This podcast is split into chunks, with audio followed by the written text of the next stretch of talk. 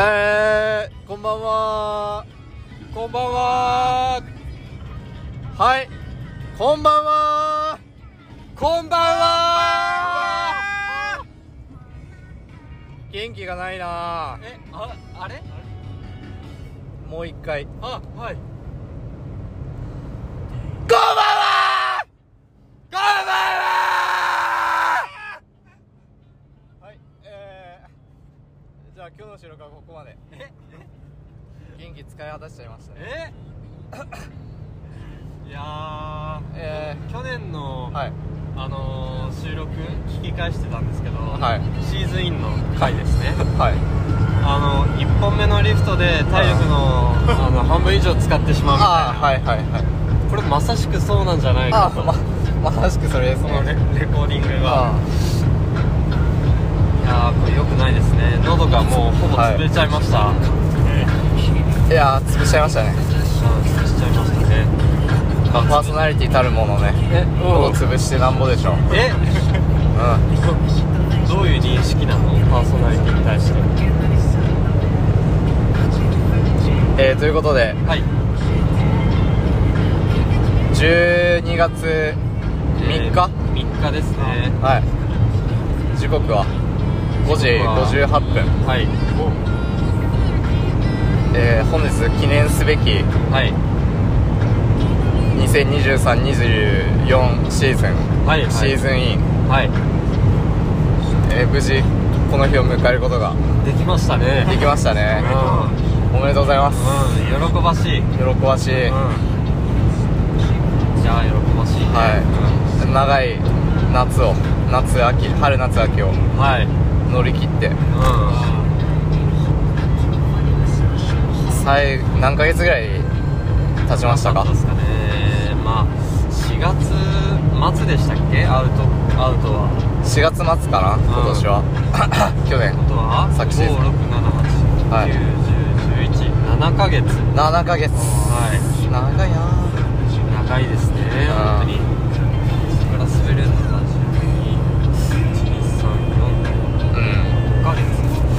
月いけるのか。まあそう考えたらまあま半うんそうね。半分いかないぐらいか。あうん。いやー。長いですね。長かったですうんね長かったですね。いやー。このはい。はな夏夏とかはい。春の間どうやって過ごしてたんですか？ああまあまずスノーボード終わってうん。春なんかき気温も暖かくなってきてポコポコして。うん。うんまあスノーボードできなくなったけどなんか他に楽しいこととかうん。いいことが起こるんじゃないかななんて思いながらね。うん。そんな期待に胸をうん。躍らせながら。踊らせながらうん。勉強してました。あえ？勉強？あはい。えー、またまたね。うん。また勉強してました。えあ勉強してたの？うん。勉強大好きだ勉強大好きやからあそう。うん。暖かくなったしね。体も動かしやすい時期、そうそうそうそう。うんなってきたから。うん。勉強しました。え？勉強？うん。ドガリ弁？うん。どどがり弁。ですドガリ弁だね。どがってましたね。うん。いやそうですか。えあれそろそろですか？もしかして。ー、ああそうよね。あー。次の木曜日ですね。あそうですか。はい長かった。長かった。うん。いやー終わっててほしい。終わっててほしいですね。終わっててほしいですね。はい。いやかれこれ社会人1年目から。ーまあ1年目はまあそこまでやってなかったけど。もうん。うんう1年目から受け始めて。はいはい。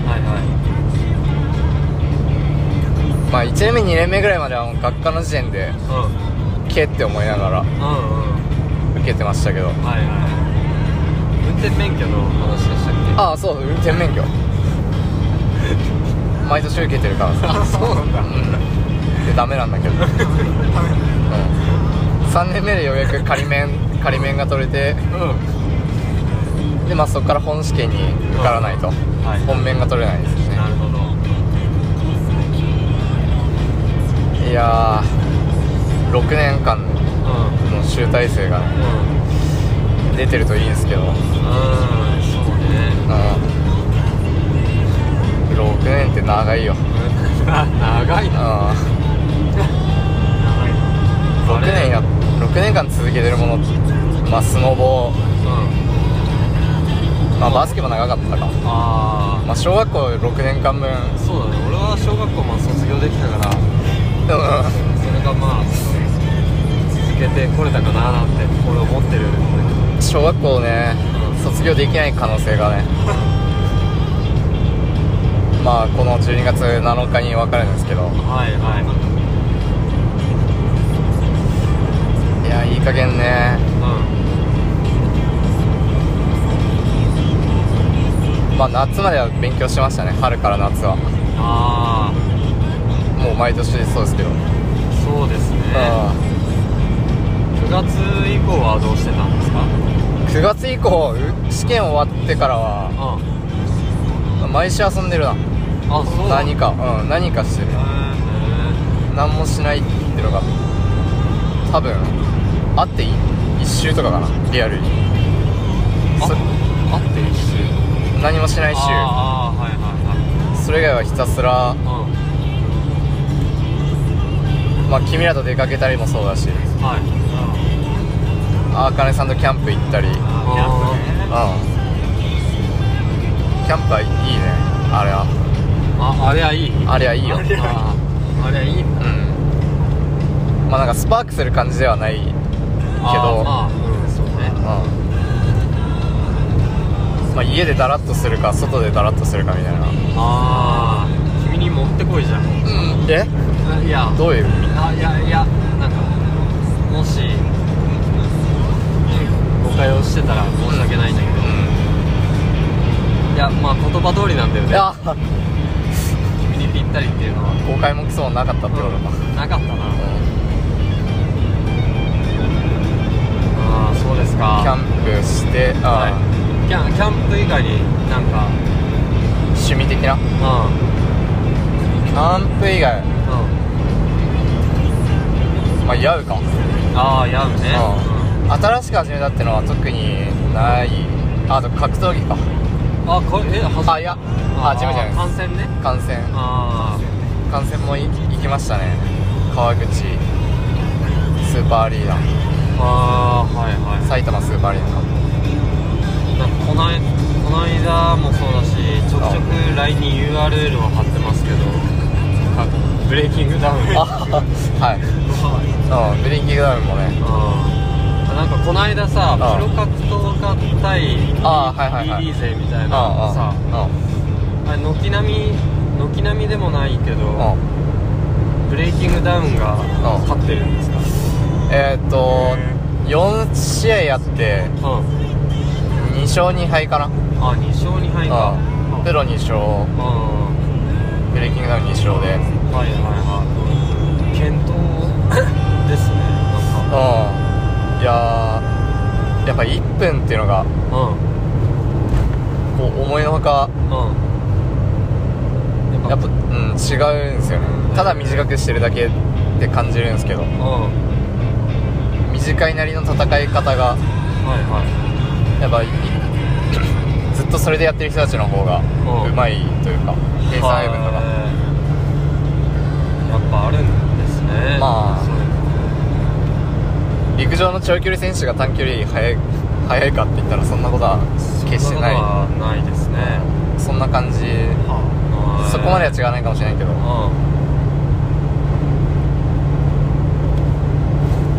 まあそれを面白いっすよあれも。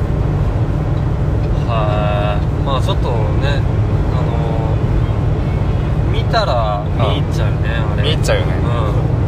うそうよくあんななんかたまに YouTube のショート動画とかでもんうん。喧嘩の映像みたいな回ってこないですか、あー新宿とか街中とかでめっちゃキレてるおっさんいるみたいな。あああいうの多分やっぱ見ちゃうんですよね。あああ人であるがゆえに見ちゃうんですかね。怖いもの見たさで。うん。それを完全に利用したうん。朝倉未来がうん。まずオーディションっていううん場所を設けてヤンキーたち集めてで決切れさせて。あ時に朝倉未来は引退なの？え朝倉未来は引退ではない。ない。うん。あない。んだ結構ボロ負け2連敗して。へえ泣いてました赤根さん。に泣いてました？うん。うんなんかうん。試合後にちょっと休む。引退はしないけど休ませてほしいみたいな動画を上げてて。そうなんだで普段超強気なんだけど朝倉未来その動画で初めて泣いてるところを見たと。泣いてたんですよその。ミクルがそう YouTube に上げた動画で,、はいはいでそれを見てあな涙ぐんでました。ねへえ結構ミクルファンなんですか？あもう大ファンですよ。へえ朝倉未来うん。あそうなんだ格闘技好きだけどあ朝倉未来はああの格闘家として好きじゃない。ねおそらく、あそうなの？うなんん、試合見たいようで見たくないって。あー。ま負ける姿を。そうそうそうね。格闘家のファン格闘家朝倉未来のファンではない。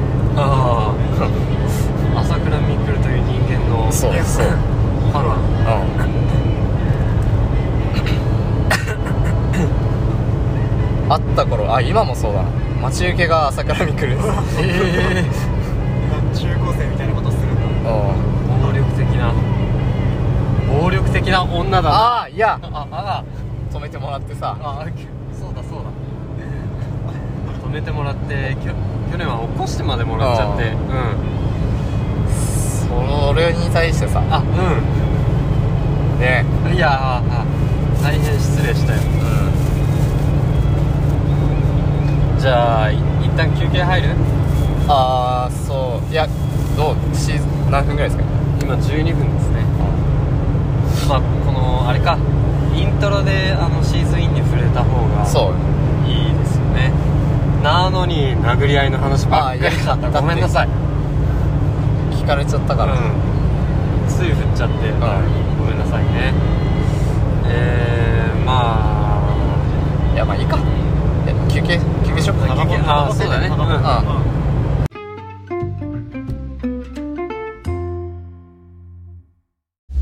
あああああ。えあ避難のあーだそれ。いやマイクテストなんだけどさ。え？本当にマイクテストのあーだった今。いやそうだよ。ちょっとやってみて。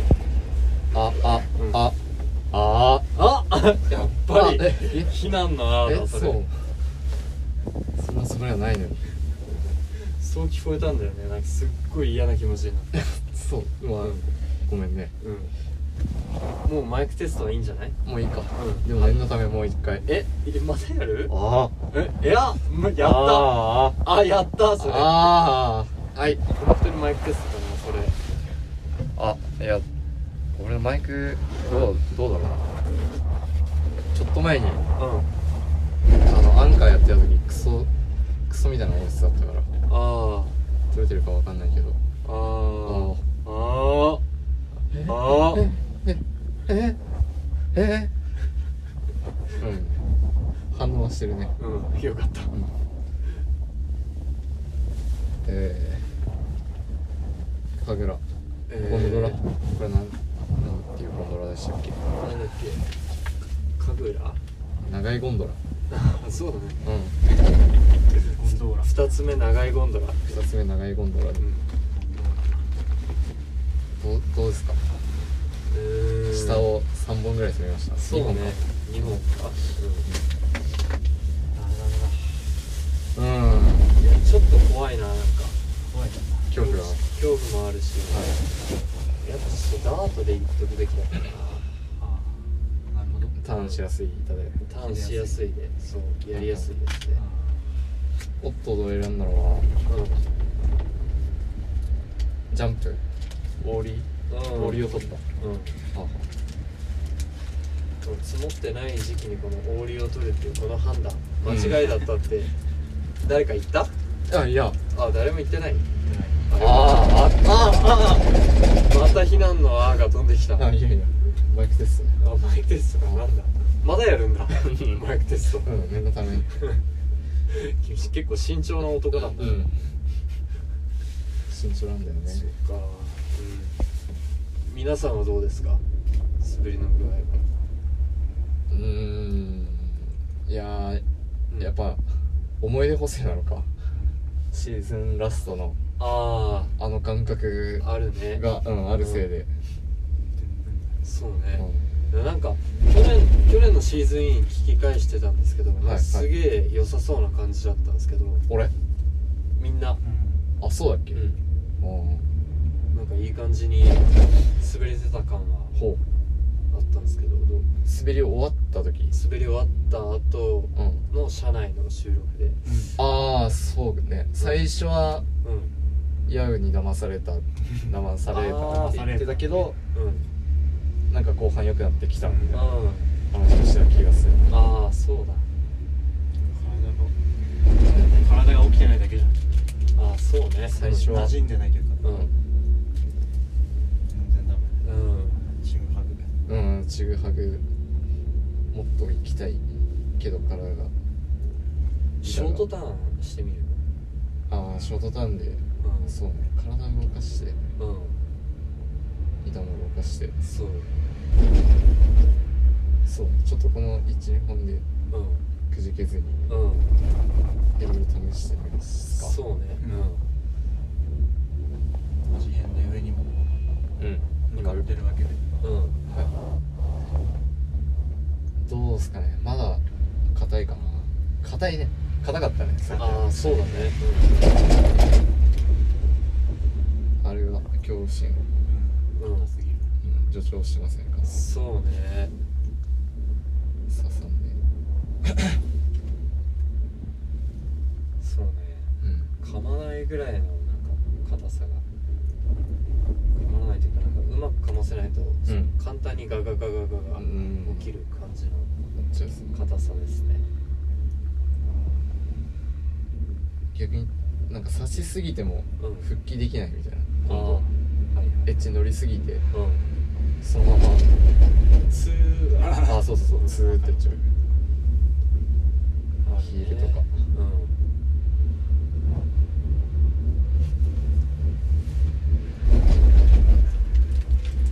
イラオじゃ見すぎたな。うんイラオじゃ見すぎたね。うん。うん。あんな感じで滑れるもんだと。うん。錯覚してた。うん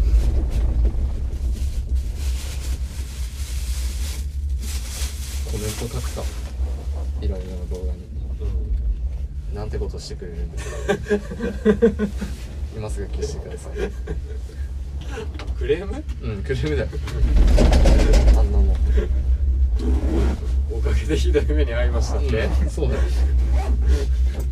全部人のせい。で全部人のせい。だから悪くないもんね俺らは。うん。被害者うん。被害者。被害者。だよね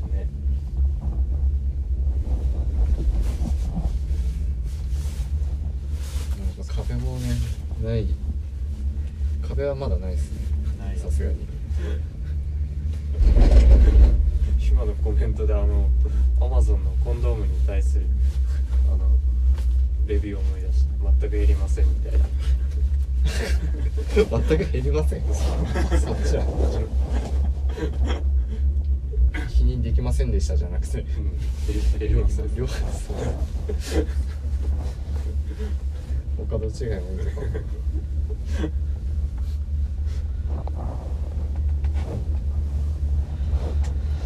えー、上はどん。な感じですかねまあ硬いだろううん。なより寒いうん。気温が下がってるし、うん。変わん。ねえかもう変わん。ないじゃないかな壁があると嬉しいなそうねあると嬉しいなん。できる場所。ちゃんと。下。降りできるとこ。上上で壁のなんか壁。うんなんかあったっけ？あって確かここ結構ウェーブ目当てで来ちゃうしね。う廊下の方行けんのか？んわかんねえ。公式ではうん。正面のあのじゃがいも畑。うんああ収穫祭。収穫祭のとこ。だけだったけど。うん。まあ公式がそうなら そうなんうん。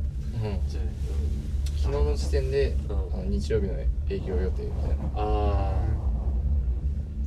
でも雪も降ってなかったっぽいじゃんあまあ、うん。このね。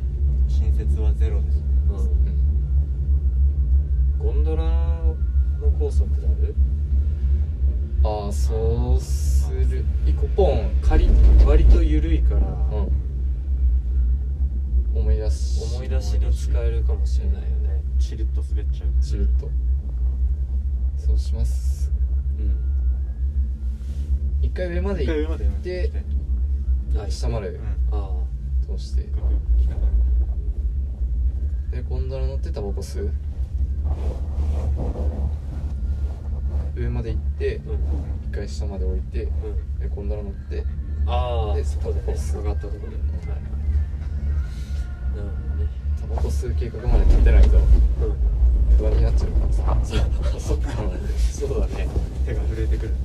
どこ滑るかよりも、うん。その後どこで吸うかが大事だからそれありきでモチベーションがね今日あるからね。そうそうあかねさんと行った時は全く吸ってないんでしたっけうん二人の時は全く吸ってないかも。え運転も込みで。サービスエリアってサービスエリアは吸う時ある。あけどまあー練習うん帰りに一本吸うか吸わないかなんです。あ運転前前後吸いたいようん吸いたくなるねけど。あまあ確かにこれ雪乃さんといるとまあ吸わなくてもこの湯でやめちゃおうかまあとりあえずあのな下ってゴンドラ乗ったら吸おうようんいやその前にこれ降りたらさあえ？どうする？今吸っちゃう？あのそうじゃん。それもありだいやーゴンドラタバコってかリフトタバコをちゃんと卒業したな。うん。吸ってましたね。うん。で今いなくない？なんか。いやい。やうん。吸ってるやつがん。そもそも、そもそも減った。あ何？タバコ？うん、いやその自体。リフトタバコ。リフトタバコは？タバコが撲滅されてる。ねすごいよね人権が。ないから。あれ白馬岩竹とか喫煙所一個もなくなかった？そんなことないっけ岩竹じゃないかいや岩竹とかあそこの白馬エリア結構そうじゃない？煙のないゲレンデうんうんそうそうそうそうそう。やってるよね。あれちょっと鬼畜だなうん。も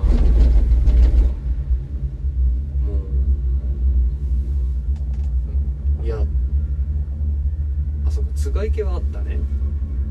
喫煙所。うんあのあったニコチンあー。そう。だニコチンガムみたいな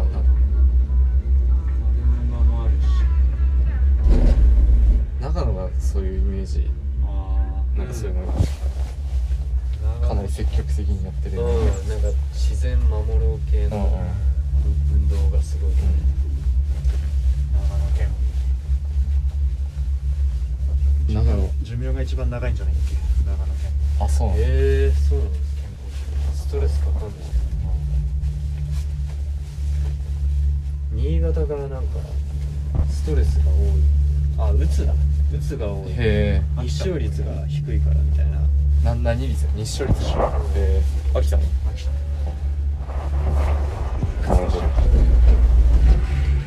ただあのなんだ大事なんだな関係あるかは知らないですけど身長が都道府県で2番目に高いんだって。へえ。新潟。え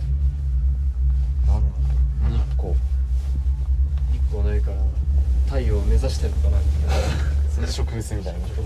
上上上もやしじゃんうんもやしだなで陰気と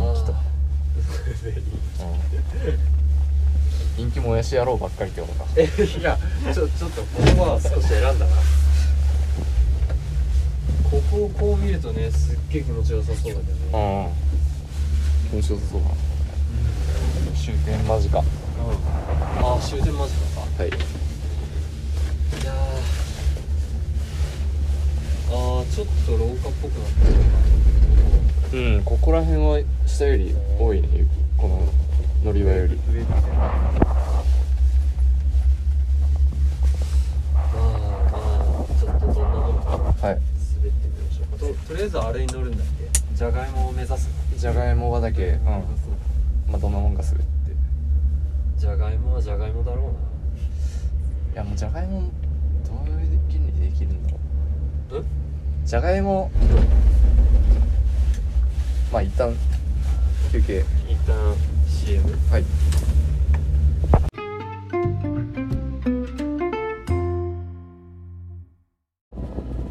えということで。ああというということで？うん。ということで。はいい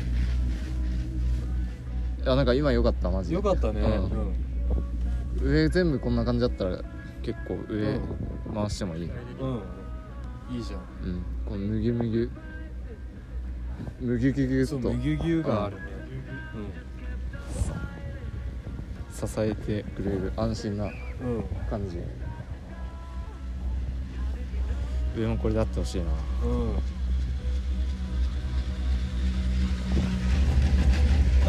上はスケートリンクみたいになってるよ。え？やめない？あ。降りようよ今すぐ。降りる？うん。滑ってる跡はたくさんあるけどうん。ここのああそっち空いてないはずなんだよな、ならず者あここも滑ったうわなんかすげえな。おお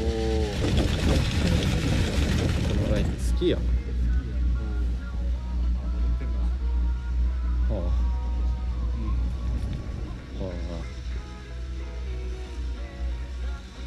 川か？これ。は川なんかな？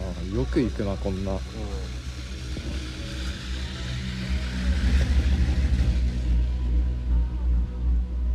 こんなに雪少ない神楽。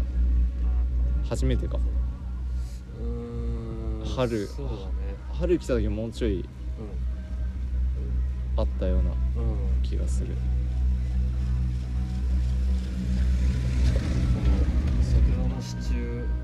結構根元が見えてる感じが。あああ新鮮。う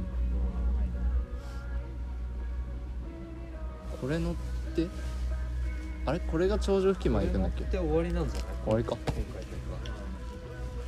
これ登って左行けばうん。タスイロタッシーロか。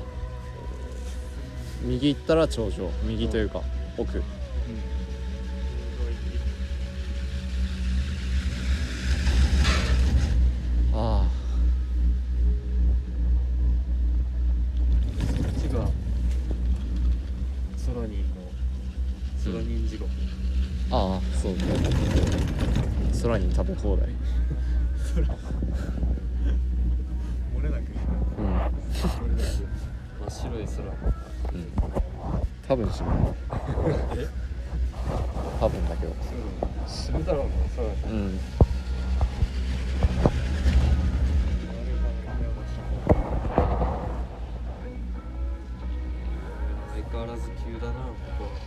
ですね。急でじゃがいもだから。うん。急でじゃがいもプラススキーヤーのああこぶこぶをおおあなんかサラサラ。いや硬いか。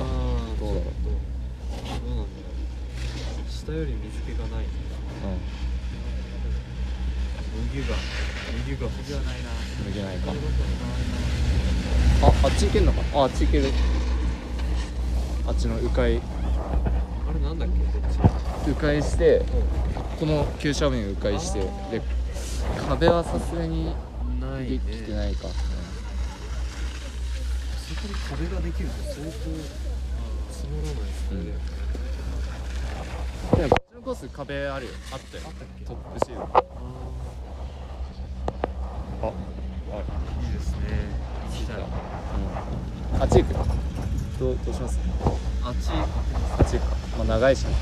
距離も行ってそれまでいけないのかこっちはもう閉まってんじゃん。な入り口が誰か。うん。ああのさっきの上から見えたとこ。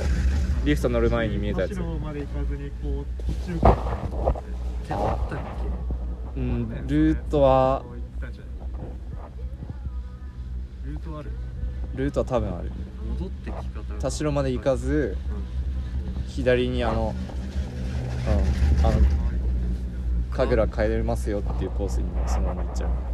川の上のリフト乗るやつ。あその付近あそうそうそうあう。ん。あ川をうわすげえ。普通に木生えてる。な緑だうん写真撮りたい。写真撮りたいので休憩です。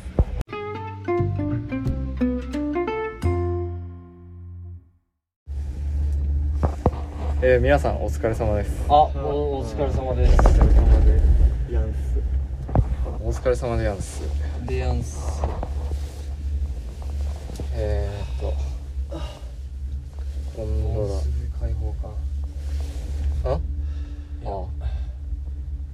ラ3本目うん。ドラさん。ドラ3あ2本滑って3本目のゴンドラ。いやー。疲労が。疲労疲労がすごいね。すごい、うん。すごい疲労。明日明日立ち上がることができるんだろうか。いやできるよそれは。さすがに。なんで？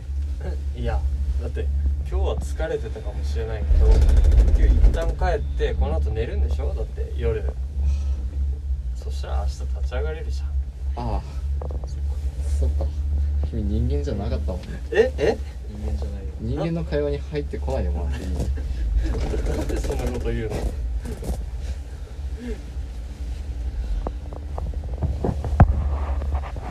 やー疲れたな。うんしっかりちょっと休むね。何して今11時半前。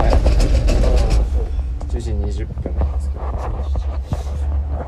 時間くらいか。どうしようかな。まあちょっともうちょい滑りたい気持ちは気持ちはあるんだけど、体が？どうなんだろう。いや体もなんかもっと追い込んだ方が、うん。追い込んでも響きはしまあうんいやシーズン初めだし最初はちょっと追い込んで景気よくたくさん。うん。っていう反面普通によろけて事故ったりああなんかあんまり、うん、ちゃんと滑れない。うん。ような。そうだね。一回休み挟んでちょっと回復してから。うんまた攻めて攻めた滑りをした方がタバコ5本チェーンスモークする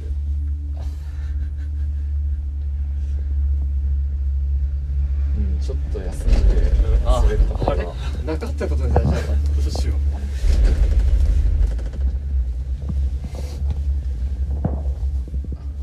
一旦休みますか。あの下に降りてうん水でもとりあえずうん飲むか、水道あったもんね。下？あのハウスの地下にはいはいはい。そうね、うん。あ水も飲んでね。うん。うん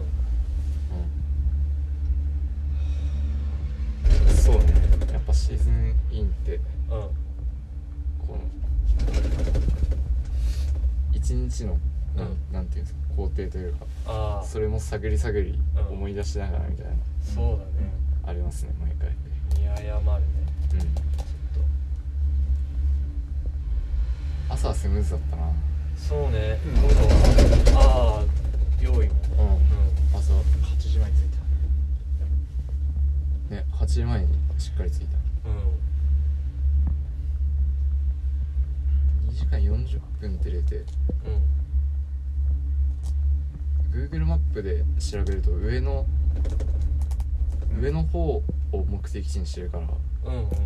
実際駐車場まで行って目的地まで残り20分みたいな表現のされ方だったんで、なんか実際2時間20分とか。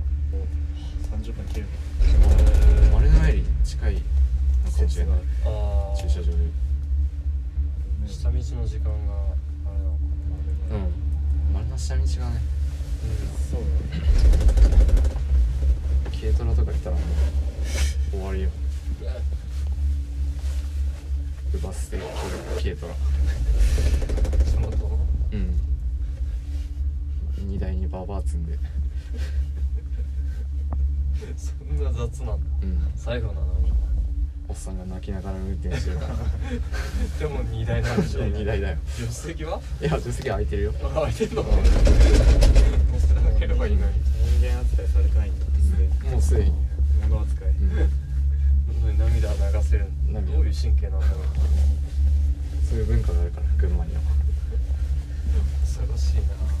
まだやってんな、うん、口メロし。よ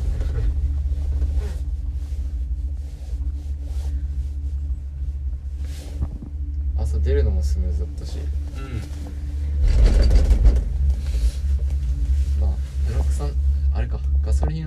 前日のうちに入れたら100点。ああそうね、それ入れてなかったもんマイナス100点ぐらなんでそういうこと言うの？なんで？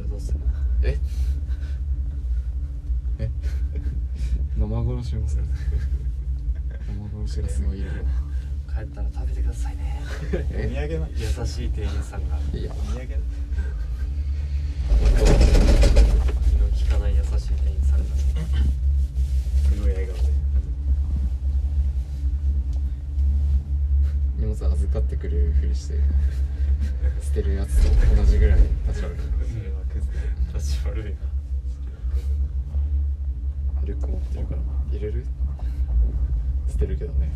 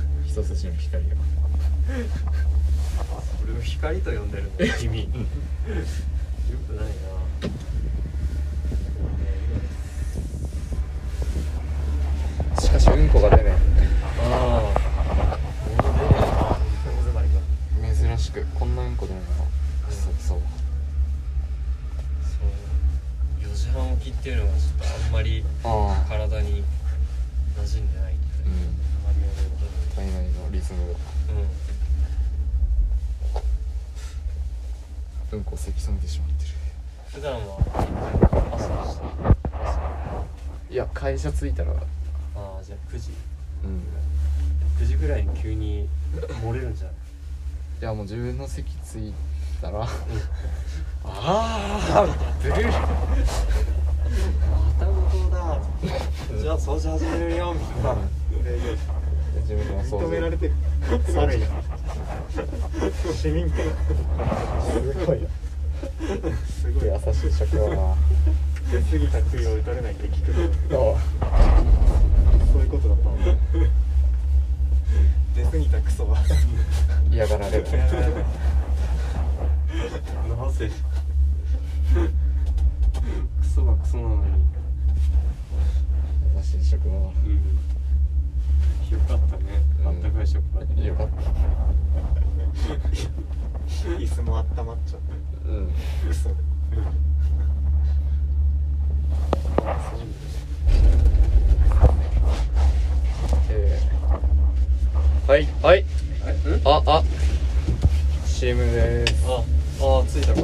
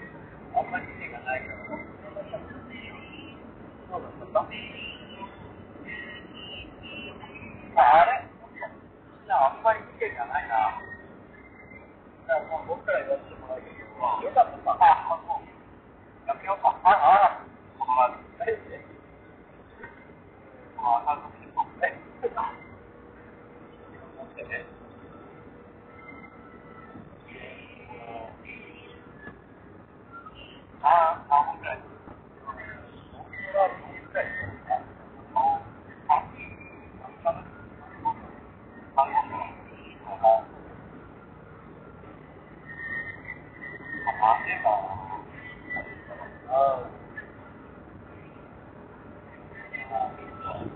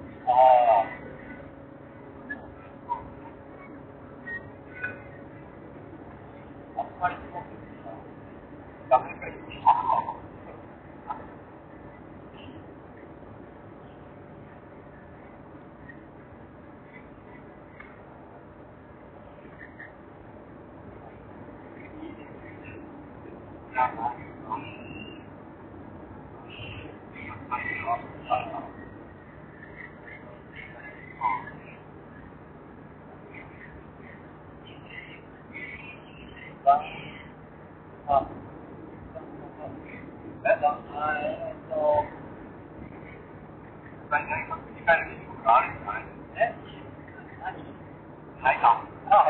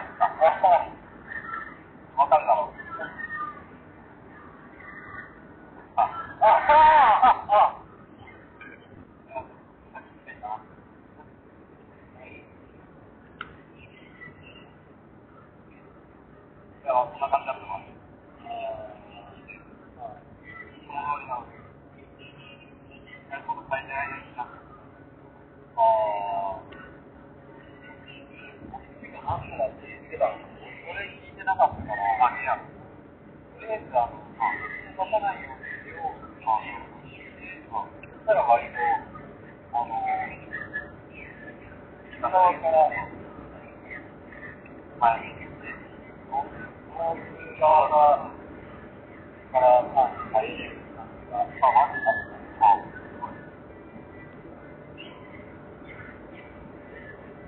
なんか、立てないようにしようっていうのが、なん、唉啊。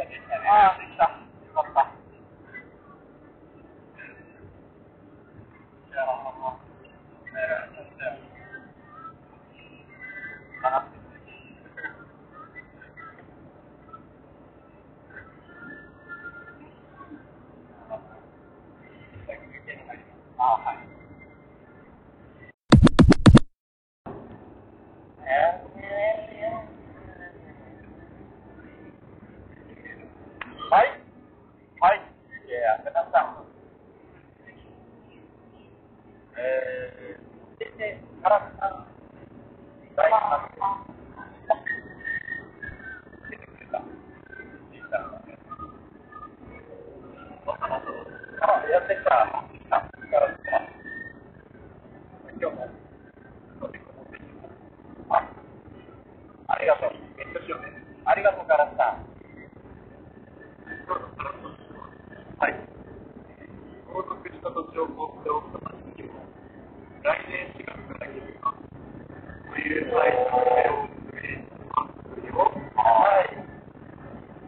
えー、令和6年4月から、不動産相続の登記が義務化され、所有者の人も不動産を相続したい族らが登記しないため、新たな所有者が分からず、土地が迷子になって有効活用できなくなることを防ぐためです。やむを得ない事情がある場合も、土地相続をしてから3年以内に実施しなければ罰金も課されるので、ここは何の土地が産地だという。はい、でございます。というのを、えーと、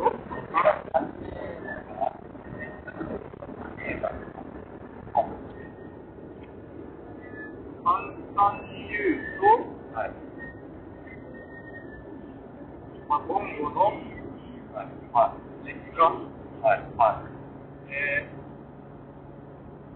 親父が死んだ場合、はいはい、その土地を誰かしらが相続する機会に生まれるわけだけど、はい、それを、はい、相続した場合、はい、そこに勝手に住み続けてはいけなくて、登記してこの土地はミッテルゴコのものです。はい。えー、登記、登記、登記がスタッフがしなきゃい。けない。登記も通る。登記も通る。それをおざなりにすると罰金が課される。ああ、なかったの今。なかったの相続した時なので、払えばよかったみたい。な。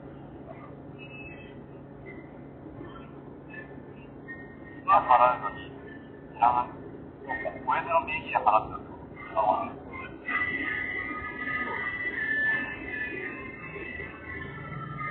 あ、それだと、逃れられた。ああ、まあ、わかんない。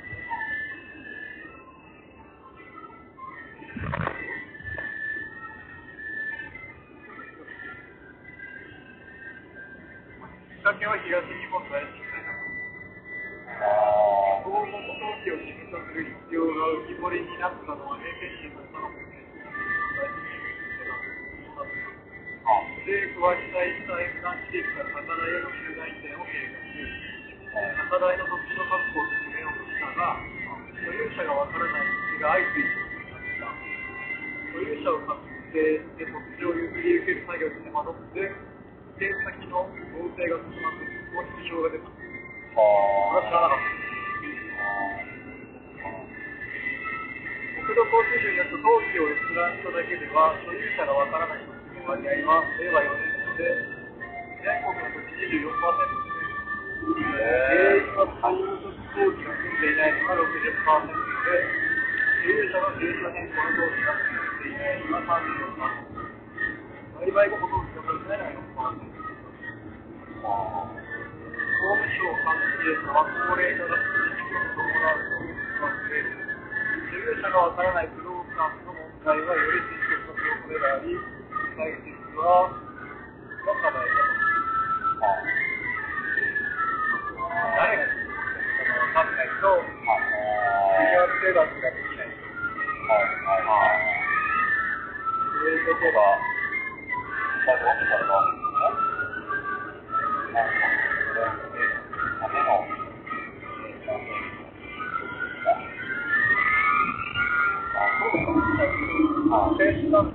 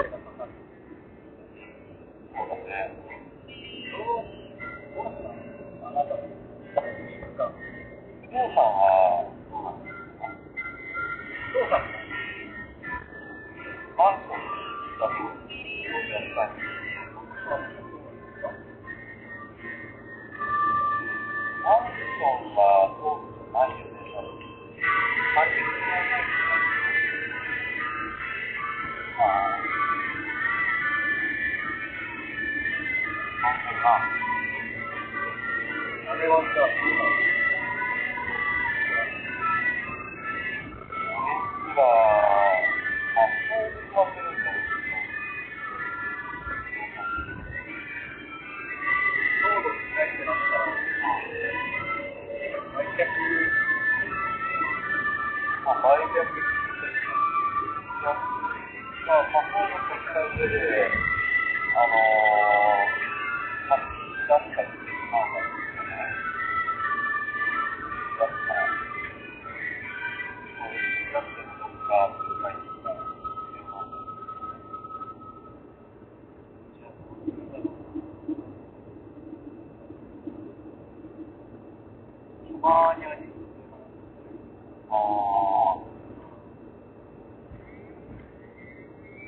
rồi, không không hiểu không ở đây. Đây.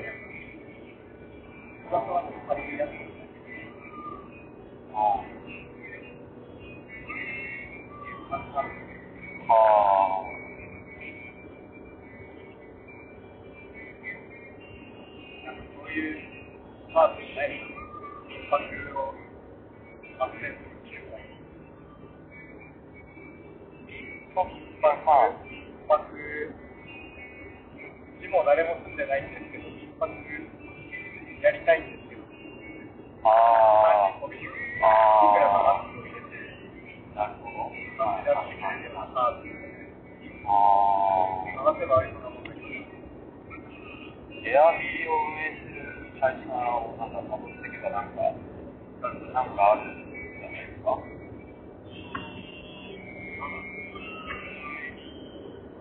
冬はまあ、使いたいから。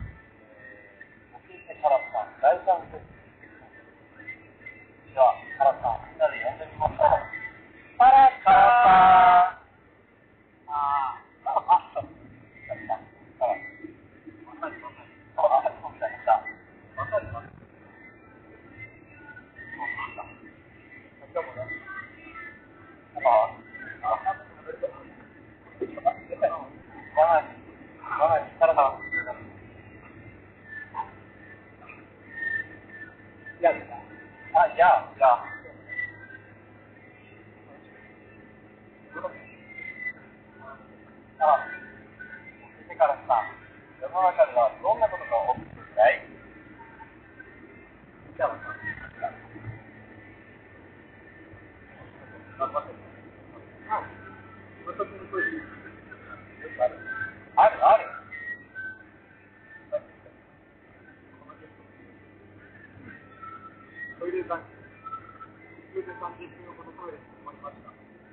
の場合、30分残業するべきです。はい。はあ、はあ。普通は我慢して我慢できるのではありません。はい。最強のことを考えると、トイレに行くことは仕方ない。とい。う。はい。トイレの時間が長い。と、残業した方が良い。と言われます。ああ。ああ。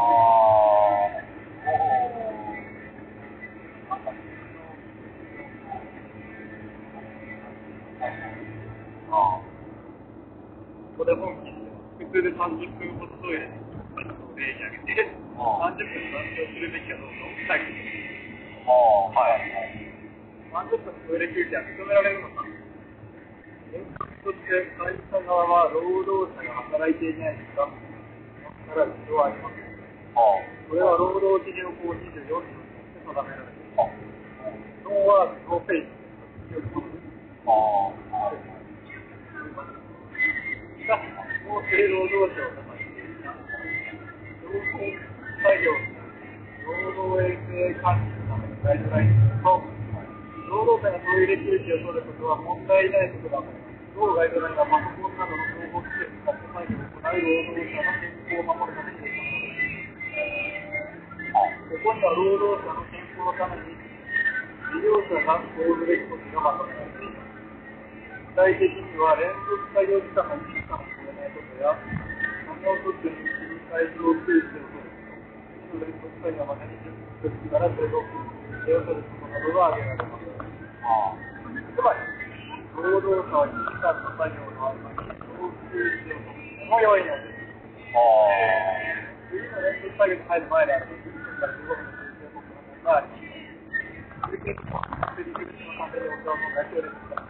働者の自由です。ただし、普通に30分の前にトイレにこもるとなると、ガイドラインに記された休憩時間が3倍になります。ということはガイドラインの範囲外になります。しかし、労働契約書第5条では、労働契約に伴い、労働者がその制限の実態等の安全を確保する労働できる配慮を提示します。そのために結局必要があれば、えー、しっかり安全を確保するために、トイレにトイレにこもることは問題ないのです。我慢をせずにトイレに行けるとまあ、トイレにこもっていたと残業する必要があるかな。はい。守っているわけではないから、基本的にはトイレにこもっていたことを上司に報告しなくてもよいです。ただし、上司に守っていると誤解される可能性もあります。また、離席時間が長いと、上司に上司のケースもある。要求型上司に数パーセントが守っていましたと、報告した方が良いこともある。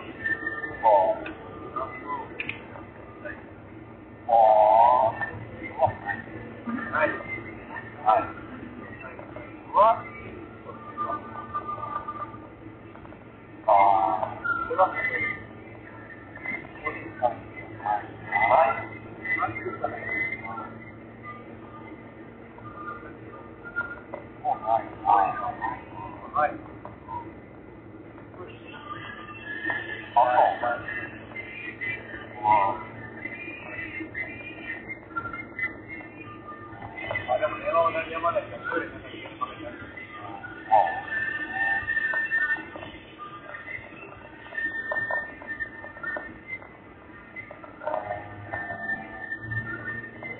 ああ、僕は前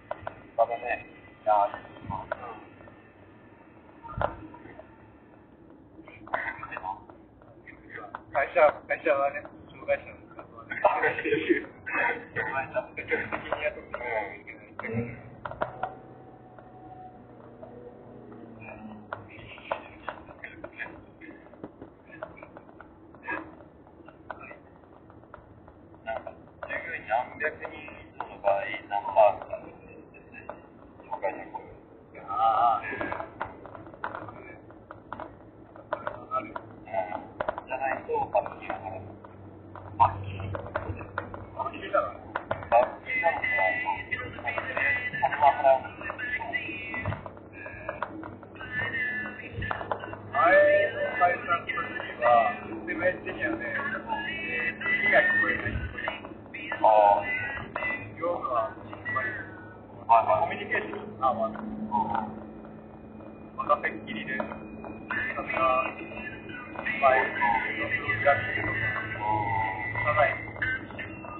AI じゃないけど、あるもなく、みた。いな。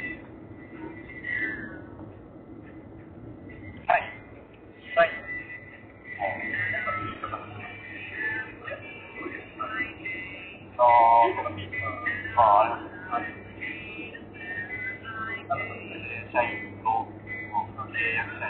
Come, come. Come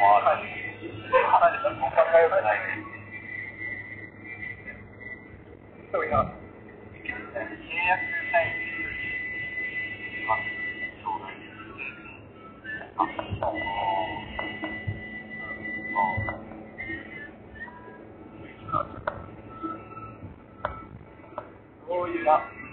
啊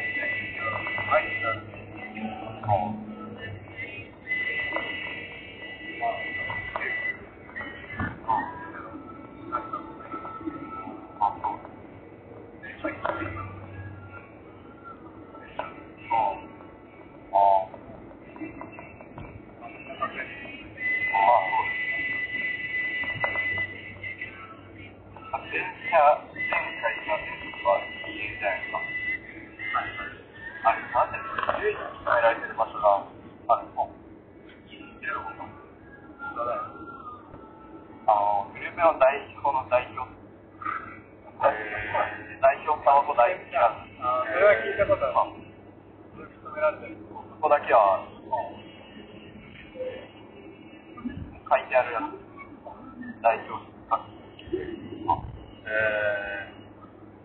ー、いや、もう、さっさかやるという、そうなんです。まあ、そういう会社だって。ああ、それでよく社員ま、社内みたいな看板見られます。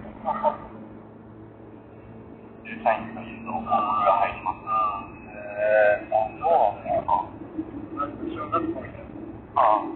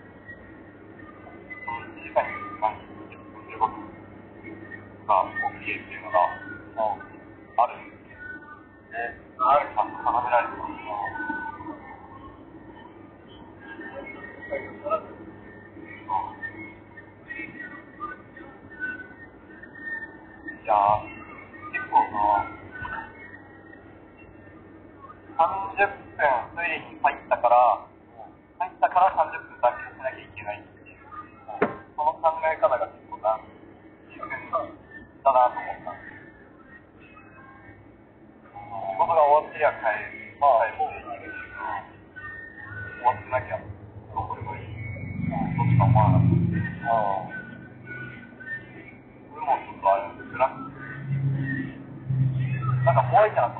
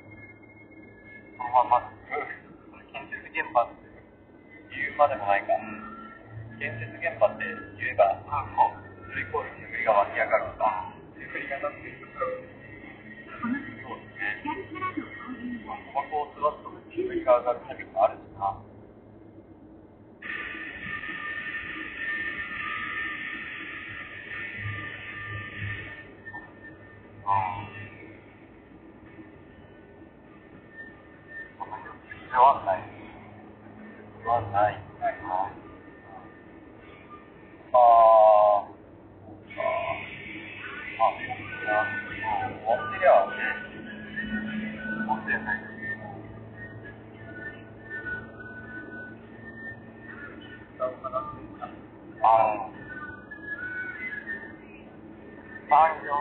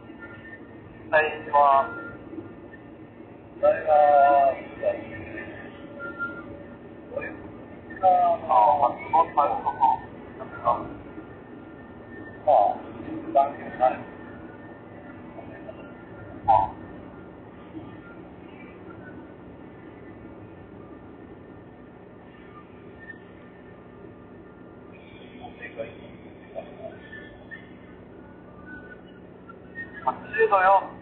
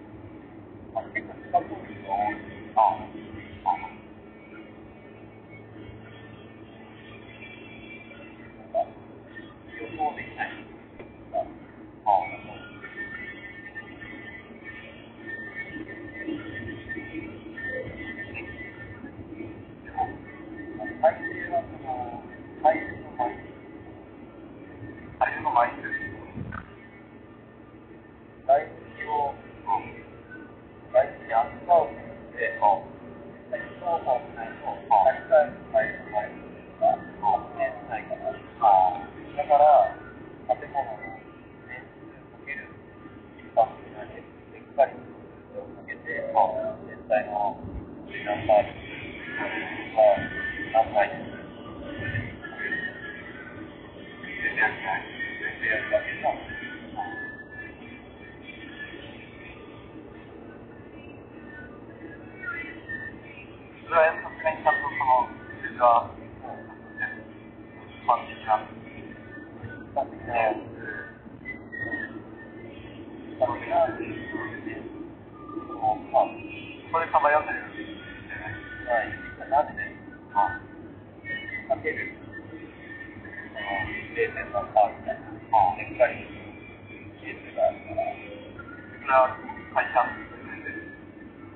晚上很啊。好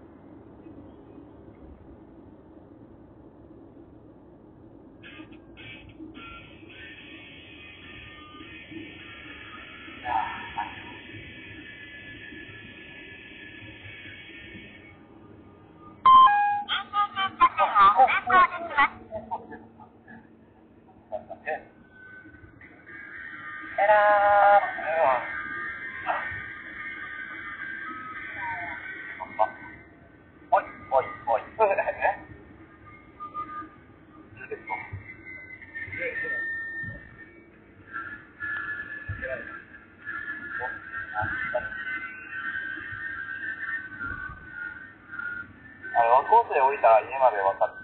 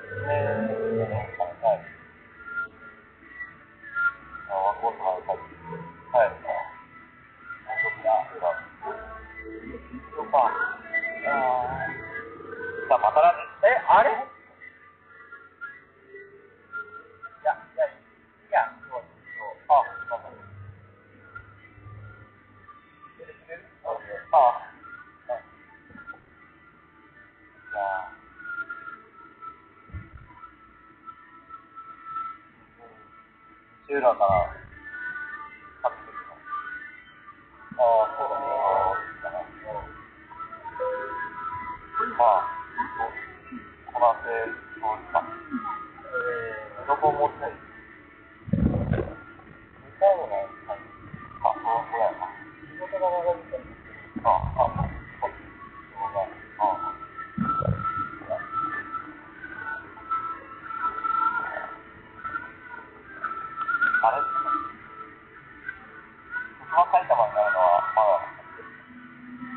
埼玉になるのは、4月から。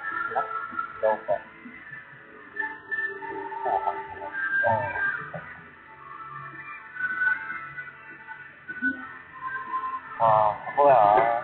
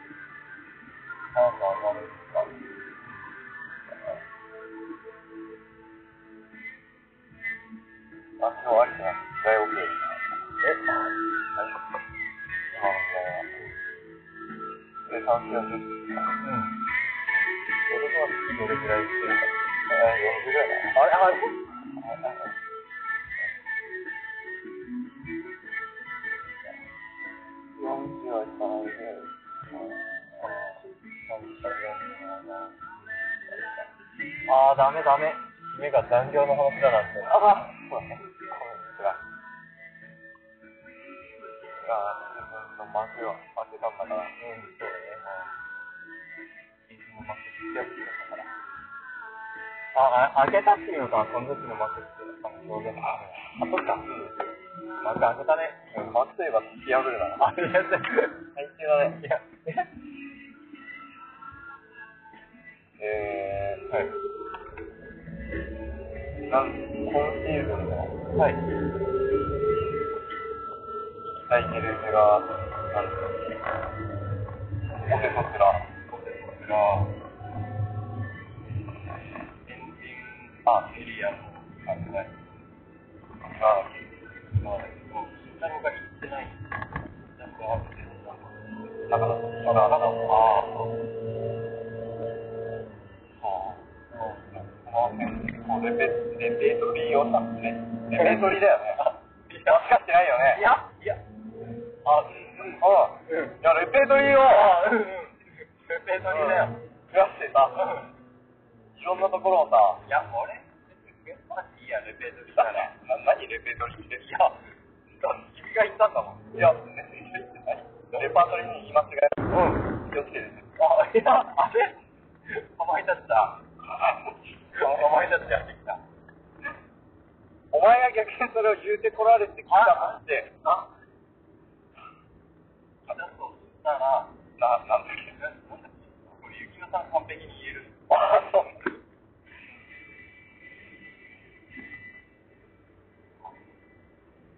まあ、レレペートリーを、うん、やっぱり、もうレペートリーがすごい。というかまあ、一辺倒にならず、まあ、そうあ、東大軍行きてえな大みたいなやつですね。あ東大あ、八海山だよ。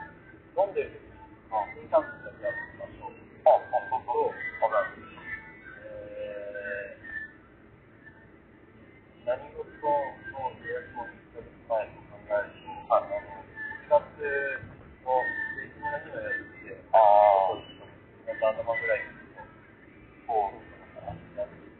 左、木村さんも多分、受け取らないといけない感じだと思う。あ、そう。なんか、成人の日が、あの、